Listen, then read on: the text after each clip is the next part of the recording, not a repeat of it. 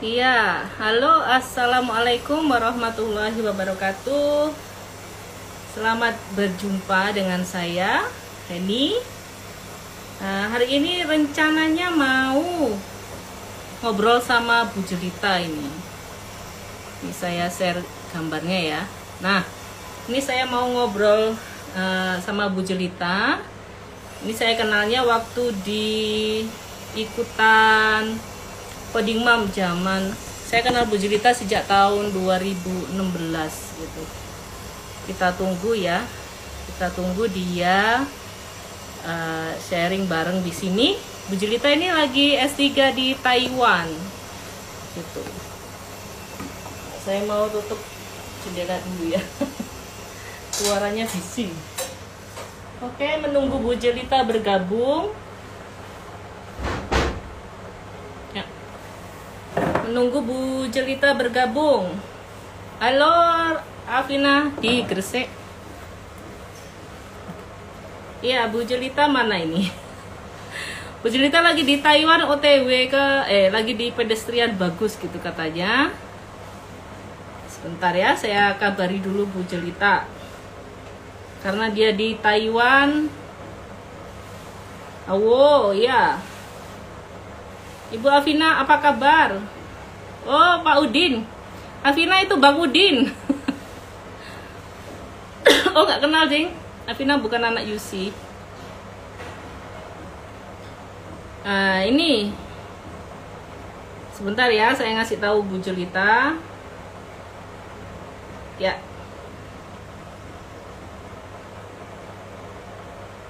Bentar. Lalu ask to join. Semoga sinyalnya di Taiwan bagus ini. Afina apa kabar Vin kau masih kau mengoding apa?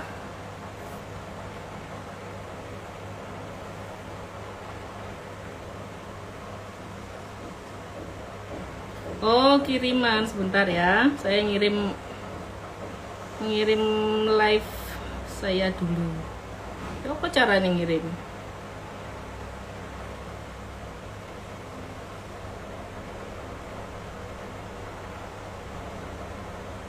Bentar, bentar.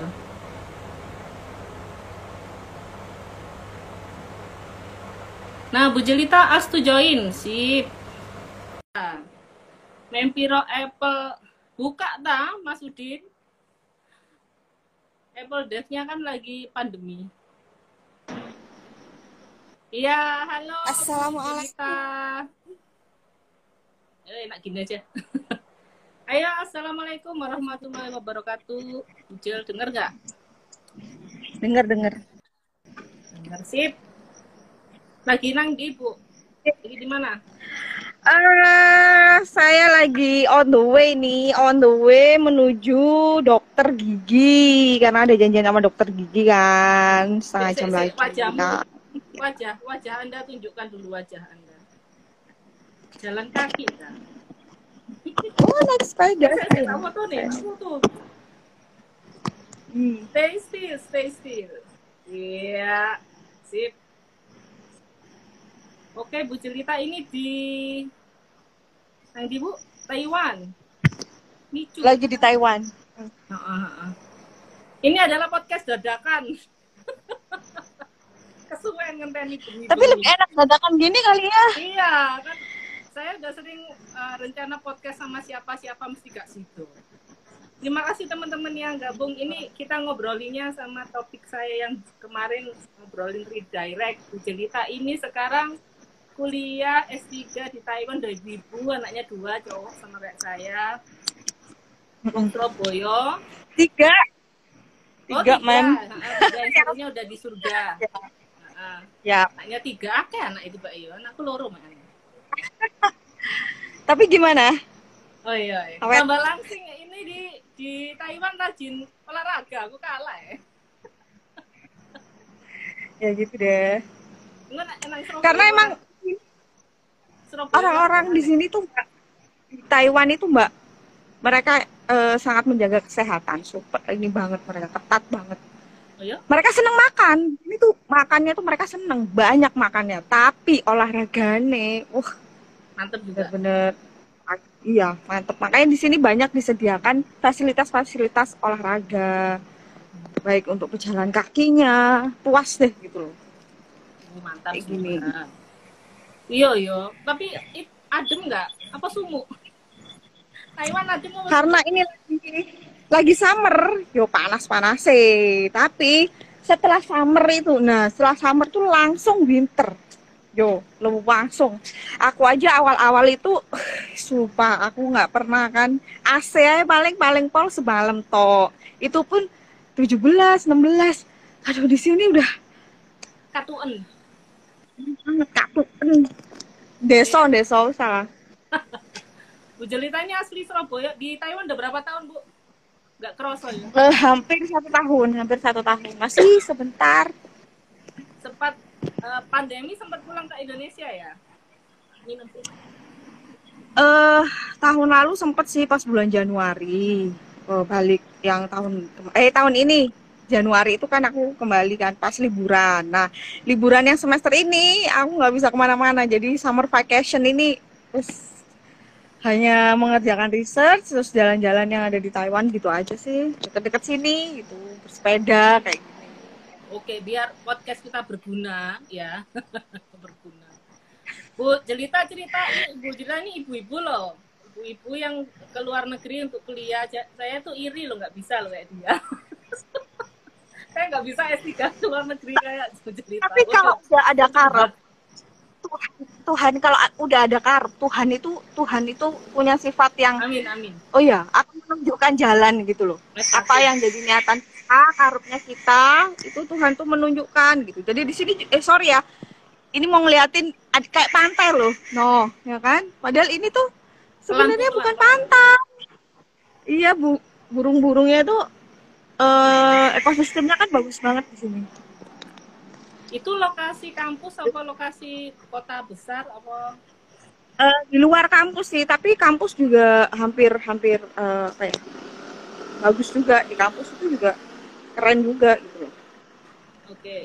Bu, saya pernah baca curhatannya sampean jenengan di Ya. Instagram atau mana itu dulu eh, D1 kuliahnya D1 dulu. Kok kuliahnya banyak Bu cerita ini ya.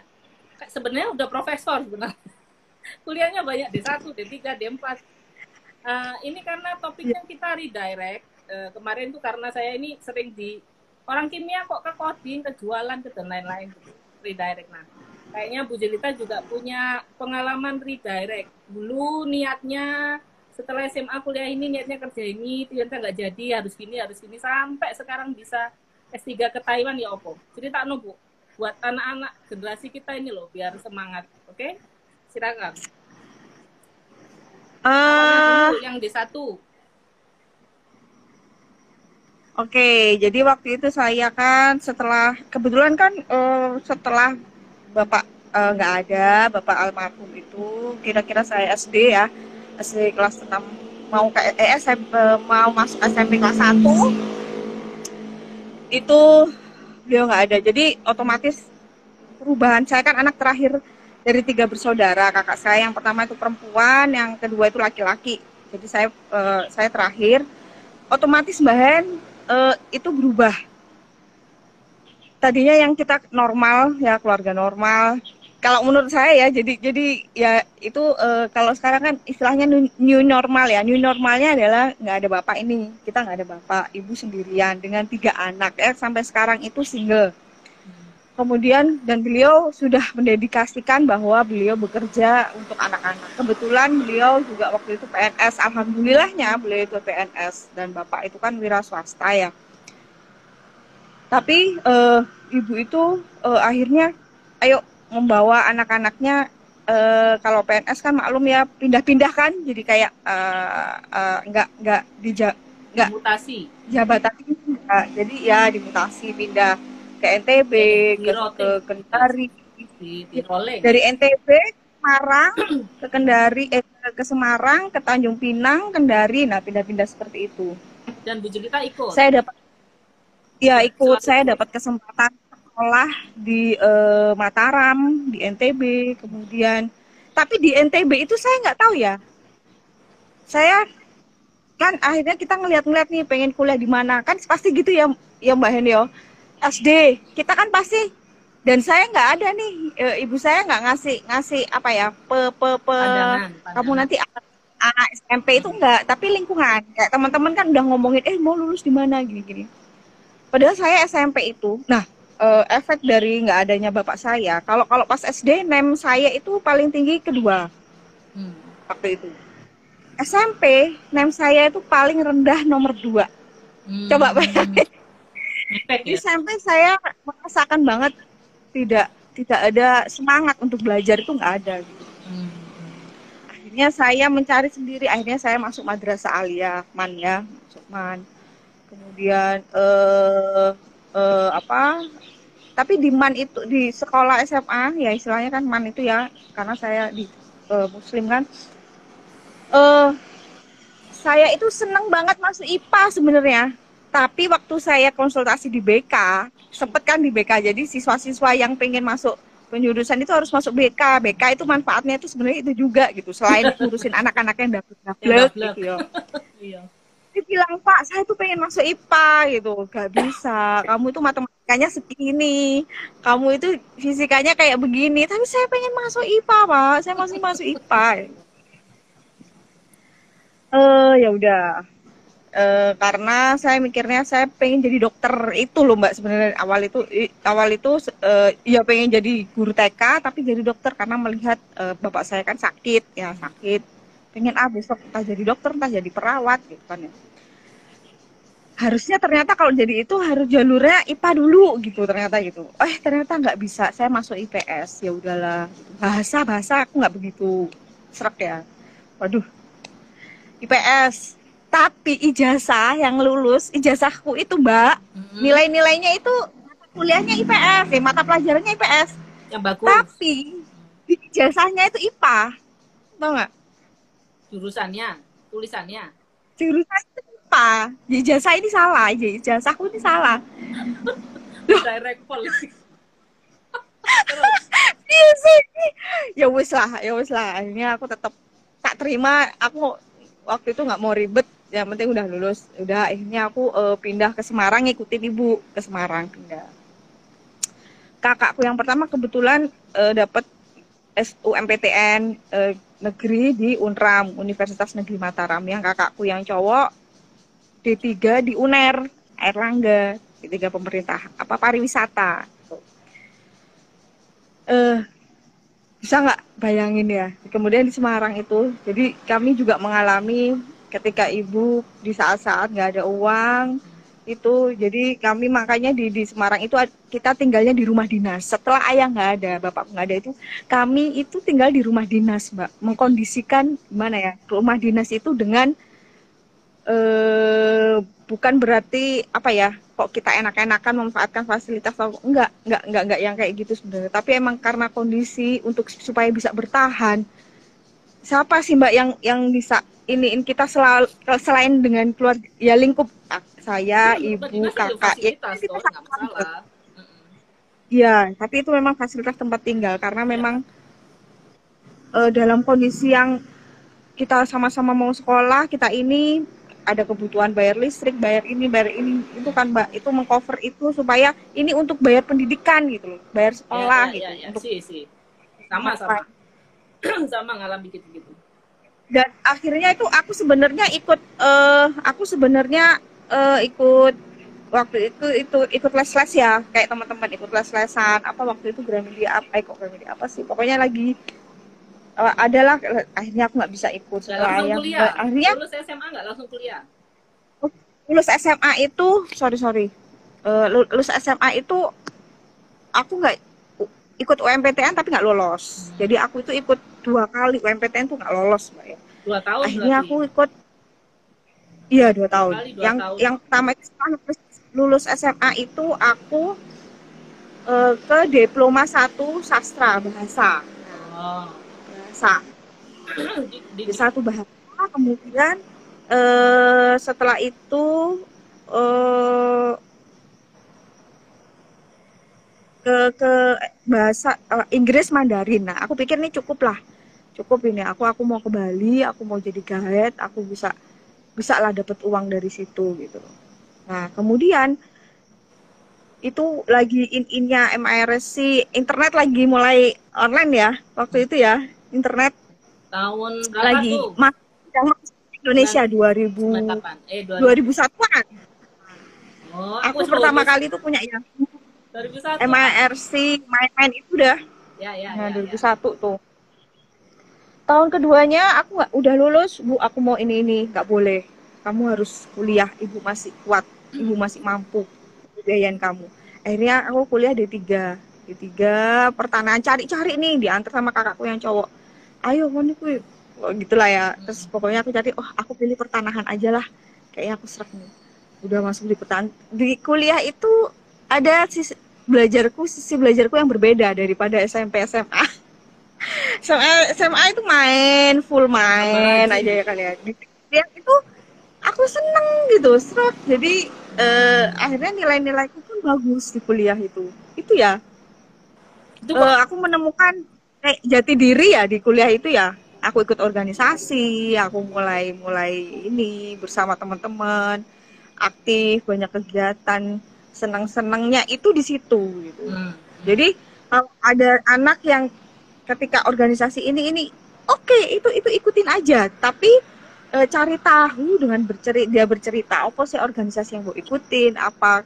Nah itu itu bagus banget sebenarnya. Organisasi di perkuliahan itu bagus untuk eh, melatih kita. Nah ini kita eh, apa cara bicara dan eh, bersosialisasi. Nah seperti itu. Banyak yang saya bisa dapatkan dari berorganisasi itu di situ. Nah itu pertama. Dan saya sendiri orangnya sudah eh, dituntut untuk apa-apa dewe gitu loh mbak. Mandiri mandiri. Dari apa, mandiri dari pekerjaan rumah apa gitu. Jadi ibu kan sudah sibuk dengan bekerja. Nah ini ini. Nah seperti itu. Akhirnya sudah lulus nih mbak D3 nah ibu itu ngasih pandangan. Oke diploma. Ibuku kan S1 mbak ya lulusannya. Eh, kamu itu di Indonesia itu seperti ini loh Eh, di Indonesia itu masih diakui strata satu. Nah, kebetulan setelah tahunku lulus itu kalau nggak salah, setelah tahun 2000 saya- aku lupa, di tiga itu tidak bisa mbak di di di, di, di- apa jadi ya? dosen gitu Jadi ada aturan baru. Bukan jadi dosen, ada aturan baru bahwa di tiga tidak bisa disamaratakan di di apa? Di, ada kayak kalau aku kan jadi D3 itu ke S1 itu ini mbak apa sih namanya bisa dilanjutkan gitu loh. Iya iya iya iya. Bisa. Ya ya Program ono transfer itu kan. Setahun dua tahun. Lupa. Ini apa gitu ya. Nah aku kan tiga tahun lanjutin lagi S1 tuh. Hmm. sambil bekerja S1 aku gini S1 aku nggak mau ngebebanin ibu lagi kan. Karena kakak-kakakku juga sedang kuliah gitu kan. Eh, kakakku yang yang ini akhirnya ngelanjutin UT sambil nemenin ibuku di Tanjung Pinang. Karena ibuku sendirian kakakku yang laki ini mau nggak mau harus harus nemenin. Karena aku memutuskan untuk stay di Surabaya dengan kakakku perempuan. Kakakku yang perempuan itu melanjutkan S2 di Ubaya eh, kenotariatan aku kita ngekos aku sambil bekerja. Pekerjaan apa pun tak lakoni mbak. Marketing. Waktu itu aku kerja di kom, eh, Jawa Pos di di harian ada eh, apa di situ jadi marketing teleponin orang. Dari gaji yang nggak dari nggak ada gaji sampai punya gaji sampai sekian sekian dari konsultan. Di konsultan itu dari kerjaan setiap pagi ngepel nyapu itu tak kerjakan semua. Tak kerjain semua pak. Eh, selesai supaya aku pagi bisa lebih pagi pekerjaanku selesai. Pulang kerjanya aku ngepel sama eh, nyapu biar biar lebih cepat gitu ya paginya jadi itu terus. Oh. akhirnya aku pindah-pindah banyak pekerjaan sampai aku ikut konsultan yang eh, sa- Sab- aku kan cari kuliah yang Sabtu Minggu tuh di di Buana Surabaya itu bisa menerima sambil bekerja gitu kan? Hmm. Mi- bisa nerima mahasiswa sambil kerja. Gimana caranya? Jadi eh, wis iku wis dicukup-cukup no mbak. Kos di Surabaya ya di tengah kota waktu itu gitu ya. Memang kita ada saudara ada nenek. Tapi kan tetap sih eh, aku sama kakakku memutuskan untuk kos karena kita masih sambil sekolah kan masih sambil kuliah supaya kita bisa fokus selesai eh, kuliah kita gitu. Kakakku udah selesai eh, kebetulan ak- di kampusku itu uh, lagi butuh dosen akhirnya aku ngikut. Jadi pertama jadi asisten dosen dari apa gitu ya. Kemudian uh, itulah kakakku yang pertama itu S2 kan diajak lagi aku ngobrol sama ibu. Kakakku gimana? Aku ibu tawarkan S2 soalnya kakakmu yang cowok itu juga mau S2 gitu. Masih ibu seperti itu ya.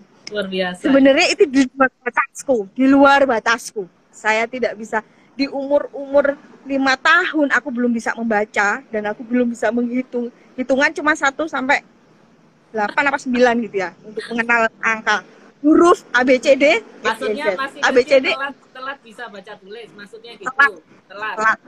ya. Eh uh, aku gak iso.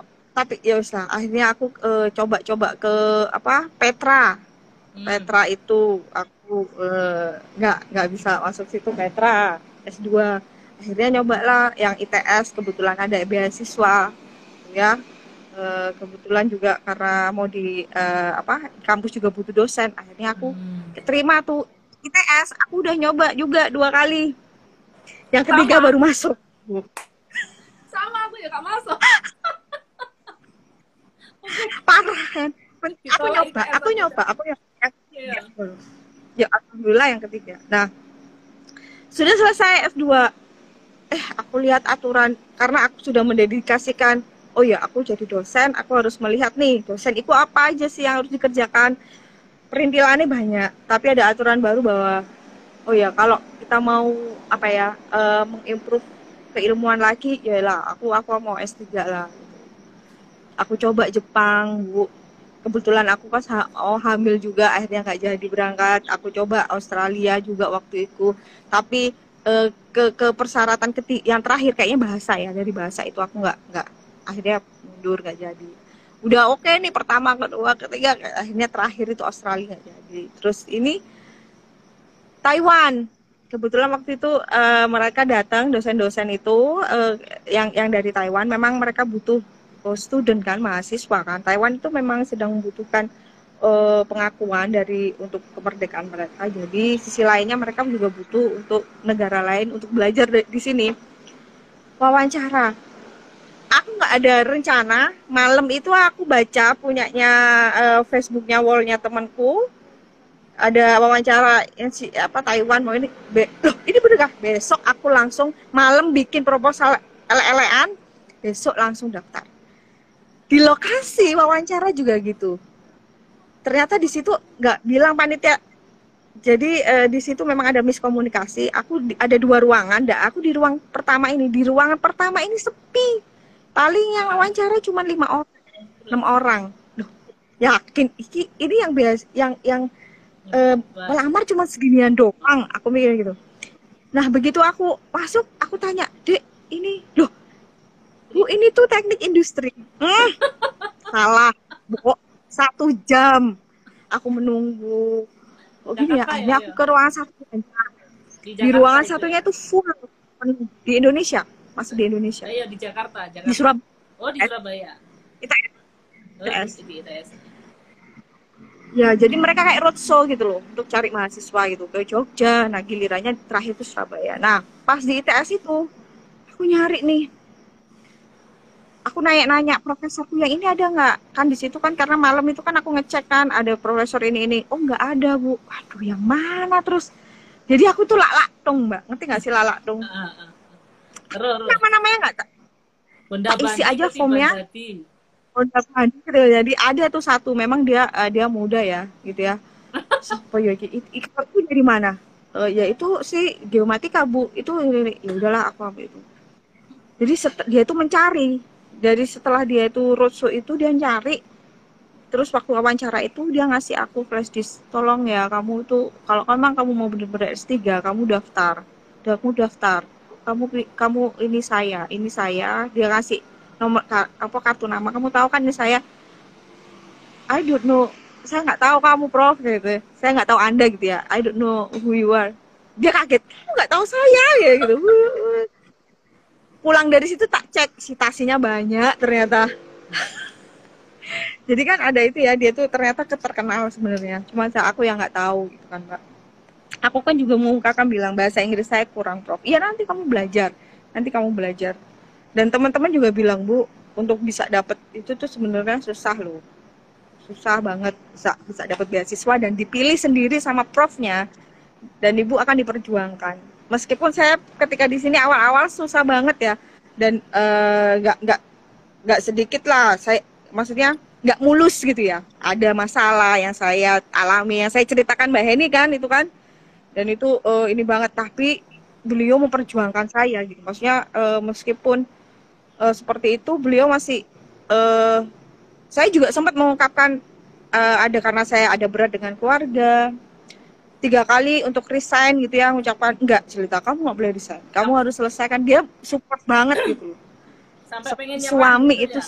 pengen nyerah balik ya. ke Indonesia gitu ya tapi ketika kemarin saya udah mulai meeting group ini up lagi. S3 itu ternyata gitu ketika saya nyari-nyari apa sih riset ini yang mau dicari itu apa ini. Nah ini up lagi semangat saya lagi aku. Setelah baca-baca review paper apa segala macam ini ini aku mulai up lagi. Oh iya ya ini udah apalagi? Hello iya. ini udah hampir setahun. Nah, kalau iya. aku kayaknya udah dari kemarin-kemarin. Tapi dukungan temen yang utama di sini itu nomor satu. Ya itu itu yang karena kalau sudah di sini teman adalah saudara sudah. Mm -mm. saudara kita kan memang gak, bukan saudara artian dalam saudara sekandung ya mbak yo. Mm -mm. kayak aku terus menghubungi mbak Heni mbak Heni aku ada begini begini aku harus bagaimana? Itu itu sangat uh, berharga. aku orangnya seperti itu kan? Aku emang orangnya seperti itu gitu berharga harga berharga banget. Iya. Itu sangat berharga. saya mengalami Bu Bu Jelita. Saya kenal Bu Jelita itu waktu di Coding Mam tahun 2016 berarti kita udah empat tahun ya? Empat tahun lebih. Iya. saya kenal gitu. Sama-sama jadi ang, apa murid jadi murid. Jadi pesertanya Coding Mam ibu-ibu gitu dan yang paling khas waktu di Coding Mam itu adalah Bu Jelita tuh datang ya karena dia dosen ya dosen. Dan yang tempat ngajarnya tuh jauh lumayan jauh ya dari dari tempat di itu ya.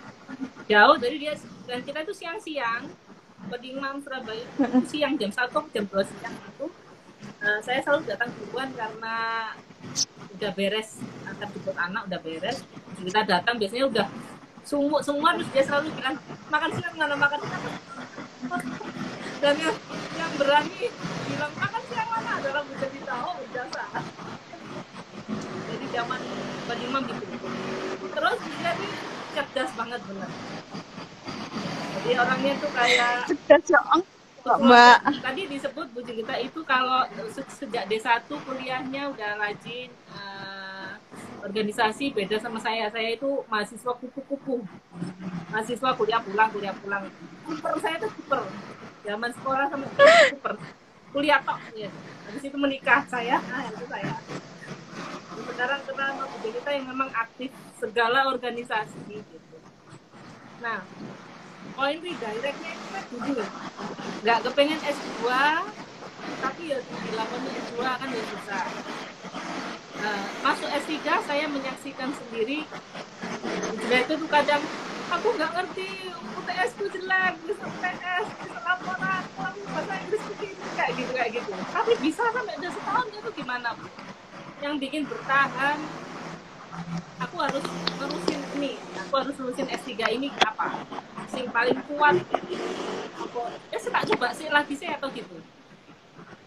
Ini ini kan konsep direct ya. Kita nggak usah inget-inget zaman aduh aku dulu S1 kan enak harusnya aku dulu uh, eh, D1 bahasa jadi guide jadi gini bisa dapat duit cepet kan enak. Karena uh, kuliah atau sekolah itu duitnya lama loh. Kita nggak dapat duit kita ribu. Dan kita belajar. Ini ya bukan ketutupan ini. Ya itu yang membuat your energy to up your energy apa yang membuat energimu tetap bertahan untuk belajar? Karena belajar itu susah. Susah banget apalagi di negara Taiwan di luar negeri ya. Nggak ada saudara nggak ada ini ya. Dan harus ngirit harus ngirit. Siswa kan kita harus ngirit foya-foya gitu bisa kan? Yo uh, apa itu namanya? Kalau di Indonesia kita mobilenya aku kan ada kendaraan ya mbak yo Ya, Itu ada juga sepeda motor, ada mobil. Hmm. mobil sepeda motor Eh, juga udah pasti berbeda lah di sini. lebih lebih lebih harus prihatin kemudian eh, apa itu namanya profesorku itu juga kan kuliahnya dia itu eh, dari Amerika kan dan bahasa Inggrisnya itu Bagus. Eh ini lagi, Itu. lagi dorong sepeda ontel. Nah, iya tadi apa? Oh, dorong sepeda. aku juga Ya. udah mau masuk juga ke dokternya kita bisa sambung lagi Hmm. kapan nih aku tunggu Ya, ya. di sesi berikutnya karena banyak nih cerita cerita yang bisa di share Iya, oke. Ini masih setengah. Har- harus jagang. Kita tunggu dulu atau kita stop? Ini masih setengah jam ya. Kita stop dulu ya kali ya Oke, stop dulu Sambil ya, nanti teman-teman nanti. Ya, saya aja yang lanjutin. yang mau bertanya boleh Ah, saya yang lanjutin sebentar. Ini Bu Jelita menjagang sepeda. Oke teman-teman, jadi Bu Jelita ini ada di Taiwan. Oh, Pak Mol ada Pak. Bu. eh Pak Mol ketemu nggak? Oh enggak deh. Hah? Ini yang ikut ini Pak Mol ini di Brightington. Tapi Brightington satu sih, nggak sama ketemu sampean. Mbak aku off dulu ya Ya, ya, stop dulu nggak apa-apa. Bye, guys Selamat ke dokter. Oke. Iya. Saya lanjutkan. Selamat datang Pak Mul nih teman saya di ketika menang jadi penulis di Puspitek. Pak Guru, Pak Guru Teladan. Ya, hari ini eh, ini nerusin ya. Nerusin eman-eman. Jadi Bu Jelita itu sedang kuliah S3 di Taiwan, di negara Taiwan, di luar negeri. Nah, ini tadi dia perjalanan OTW ke dokter gigi katanya, dia mau ke dokter gigi. Eh, menggos-menggos alias terengah-engah karena ini nonton sepeda, sepeda ontel. Jadi kalau di Surabaya, ini Bu Jelita ini di Surabaya, eh, relatif dekat dengan rumah saya di Surabaya. Beli- beliau itu biasanya ke mana-mana bawa mobil dan saya nebeng. Tapi Bu Jelita di Taiwan harus naik sepeda dan jalan kaki ke mana-mana. Yang menarik adalah saya kenal beliau ketika di Coding Mam Surabaya tahun 2016. Orangnya itu apa lincah. Kalau saya saya nyebutnya itu kutu loncat gitu. Lincah banget dan suka organisasi pergi ke mana-mana. Dia suka ke mana-mana. Cepet dari sini ke sini habis sini ke sini. Eh, saya mau ke sana dulu. Nanti sejam lagi balik lagi gitu. Bisa. Kalau saya enggak enggak bisa. Saya migrain kalau gitu.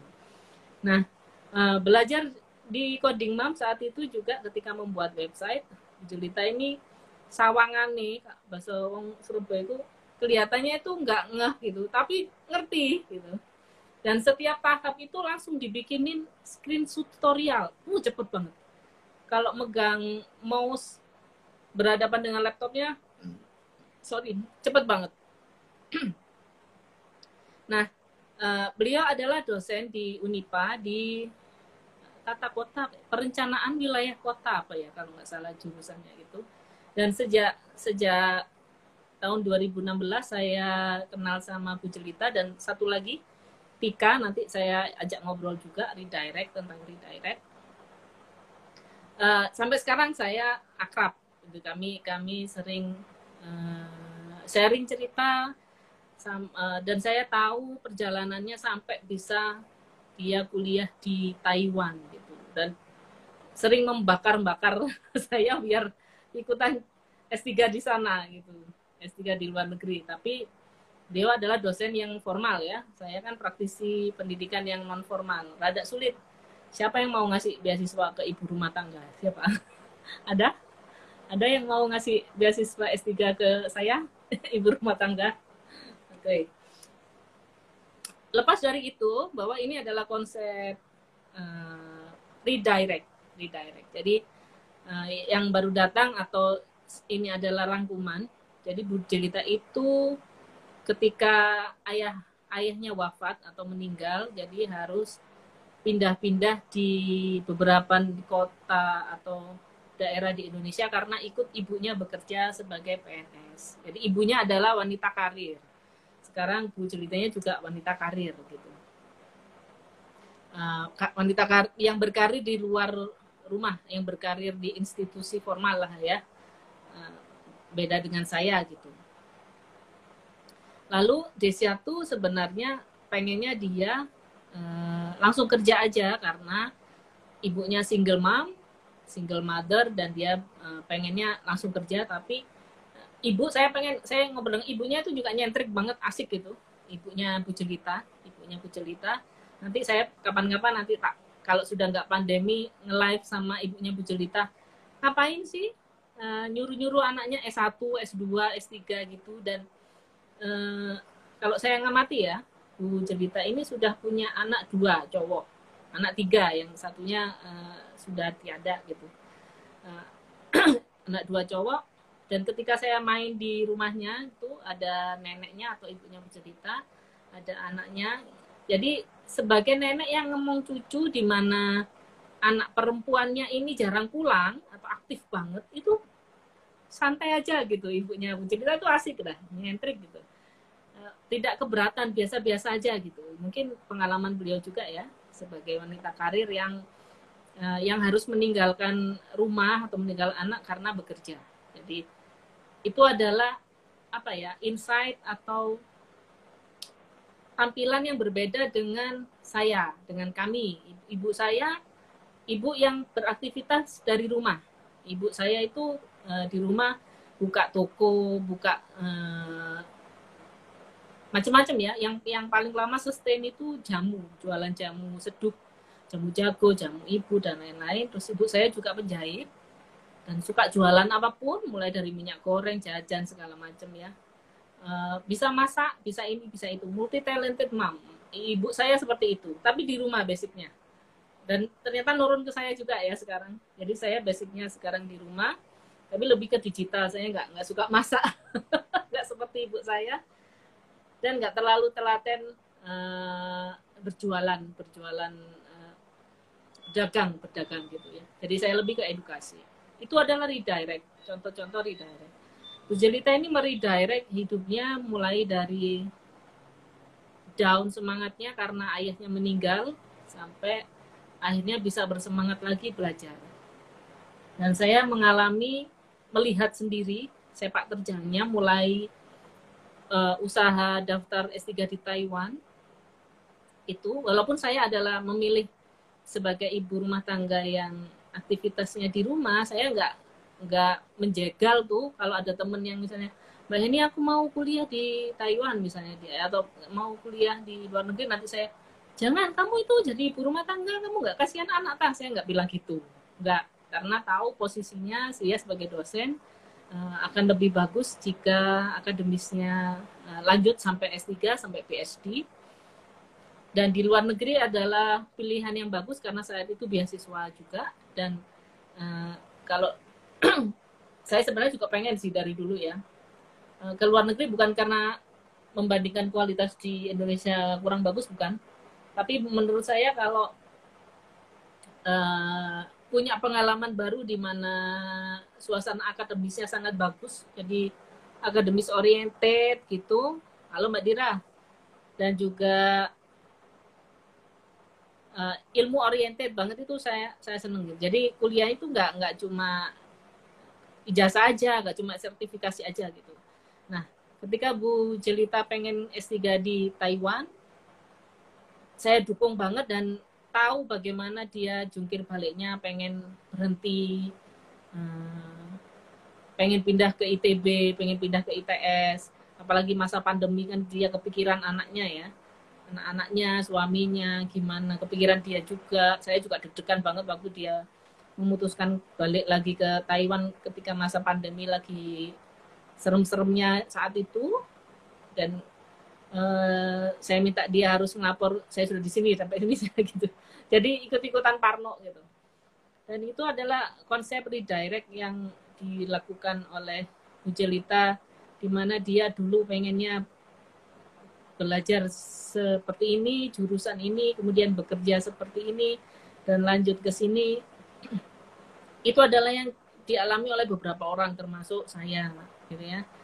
Saya ini redirect-nya udah banget banget ini. Kalau Bu Jelita masih dari D1 ke D3 sampai sekarang S3, dari D3 ke S3-nya masih satu line, linear ya, karena dosen. Dosen itu harus linear kalau di Indonesia saat ini ya terutama di lembaga formal gitu.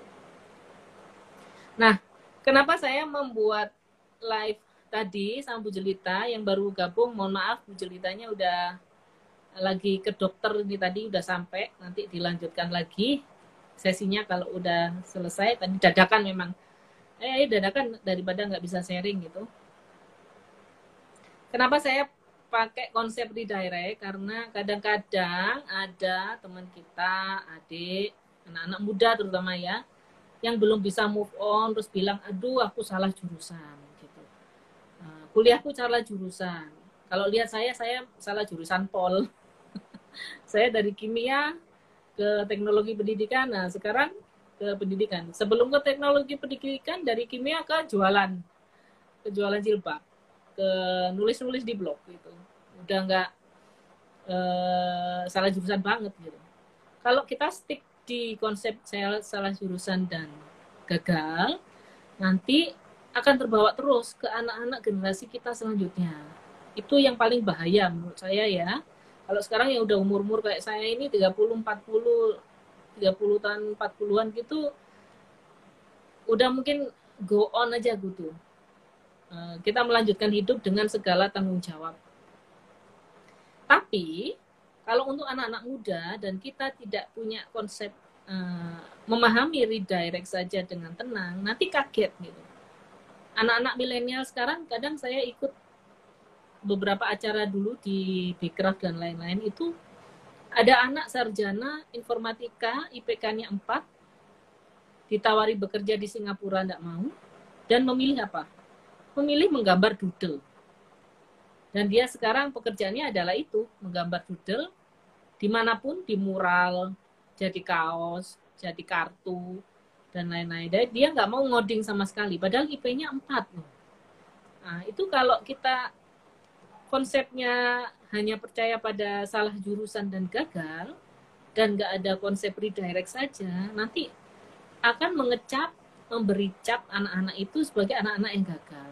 Padahal nanti generasi kita, generasi anak-anak sekarang nih, generasi Gen Z, Gen Alpha, generasi baru anak-anak yang baru lahir SD, anak-anak yang masih SD, SMP, SMA sekarang ini ya, itu nanti akan mengalami hal-hal yang yang harus mungkin harus jungkir balik dan harus mengganti-ganti uh, jalan hidupnya ya, meredirect, uh, ganti arah lagi gitu.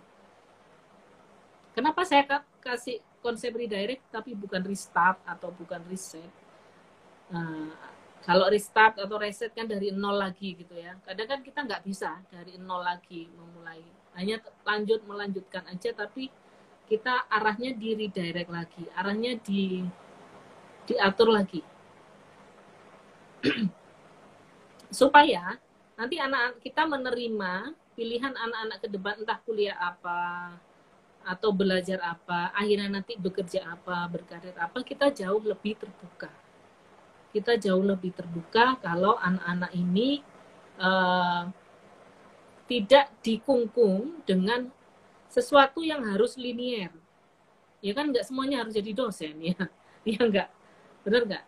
Kalau kalau memang itu adalah institusional, uh, apa namanya syarat di sebuah lembaga bahwa itu harus linear ya silahkan monggo saya tidak akan ngejudge apa pun akan tetapi nanti ada kemungkinan anak-anak kita adalah menjadi freelancer menjadi entrepreneur menjadi digital planner atau self employee atau anak-anak yang nggak mau kerja uh, terikat gitu.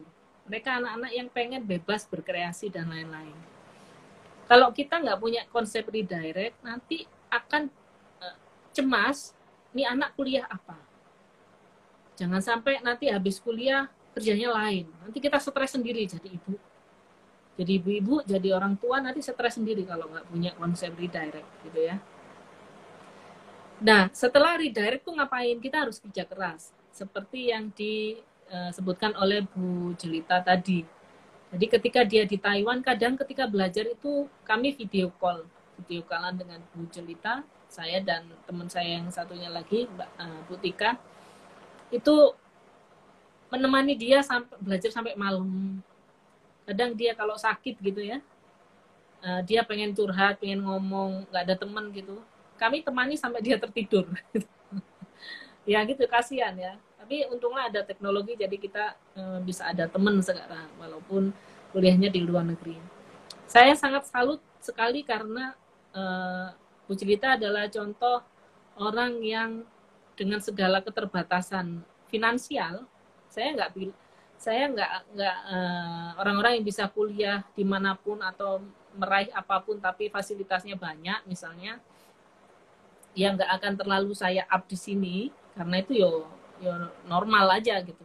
Tapi ketika kita yang yang harus struggle dengan ekonomi eh, secara finansial kita harus muter otak nih gimana nyekolahin anak gimana biaya hidup dia di Taiwan gimana ini itu kan dia harus mikir juga. Eh, sementara juga harus kuliah based on bahasa Inggris kadang bahasa Taiwan uh, tugas-tugasnya harus on bahasa Inggris, presentasi bahasa Inggris gitu. Dan itu tidak mudah. Apalagi usianya juga nggak terlalu jauh dari saya gitu. Mungkin udah 40-an atau malah belum ya. Belum, hampir 40 tahun gitu. Tapi yang namanya daya juang, daya juang itu harus disertai ketika kita memilih untuk redirect gitu. Apa pun pilihan dalam karena gini, siapa sih yang bisa merencanakan jalan hidup kita itu sesuai banget dengan cita-cita atau timeline rencana? Saya aja buktinya udah enggak. Saya sejak SMA itu jungkir balik banget belajar supaya bisa masuk ke kimia ITB. Yang lihat saya belajar aja sampai mual-mual lah. Kakak-kakak saya tuh mual banget lihat saya belajar. Bosen. Di ITB saya sudah target eh, menjadi peneliti atau menjadi dosen. Menjadi peneliti sudah ada di genggaman tangan, tapi jalan hidup saya harus berbeda, harus balik ke Surabaya. Dan menjadi ibu rumah tangga selama belasan tahun. Sebelum akhirnya kuliah lagi ya, 12 tahun gitu. Kalau nggak ada konsep redirect, saya udah tenggelam dengan kata-kata bahwa saya adalah gagal. Sarjana kimia ITB yang gagal. Perempuan sarjana ilmiah ITB yang gagal. Sarjana kimia ITB yang hanya jadi ibu rumah tangga saja. Saja dalam arti tidak tidak menambah skill apa pun, tidak menambah ilmu apa pun. Hmm, padahal sudah dikasih amanah ilmu yang kimia itu tadi. Gitu. Jadi ilmu yang kita dapat adalah amanah yang kita harus praktekkan atau harus kita amalkan ya. Nah, itu aja singkatnya dari kami nanti setelah Bu Jelita atau nanti malam ya, saya harus ngajar juga. Saya ngajar nanti Bu Jelita juga mungkin kuliah, kuliah lagi. Nanti mungkin kita ketemu lagi malam.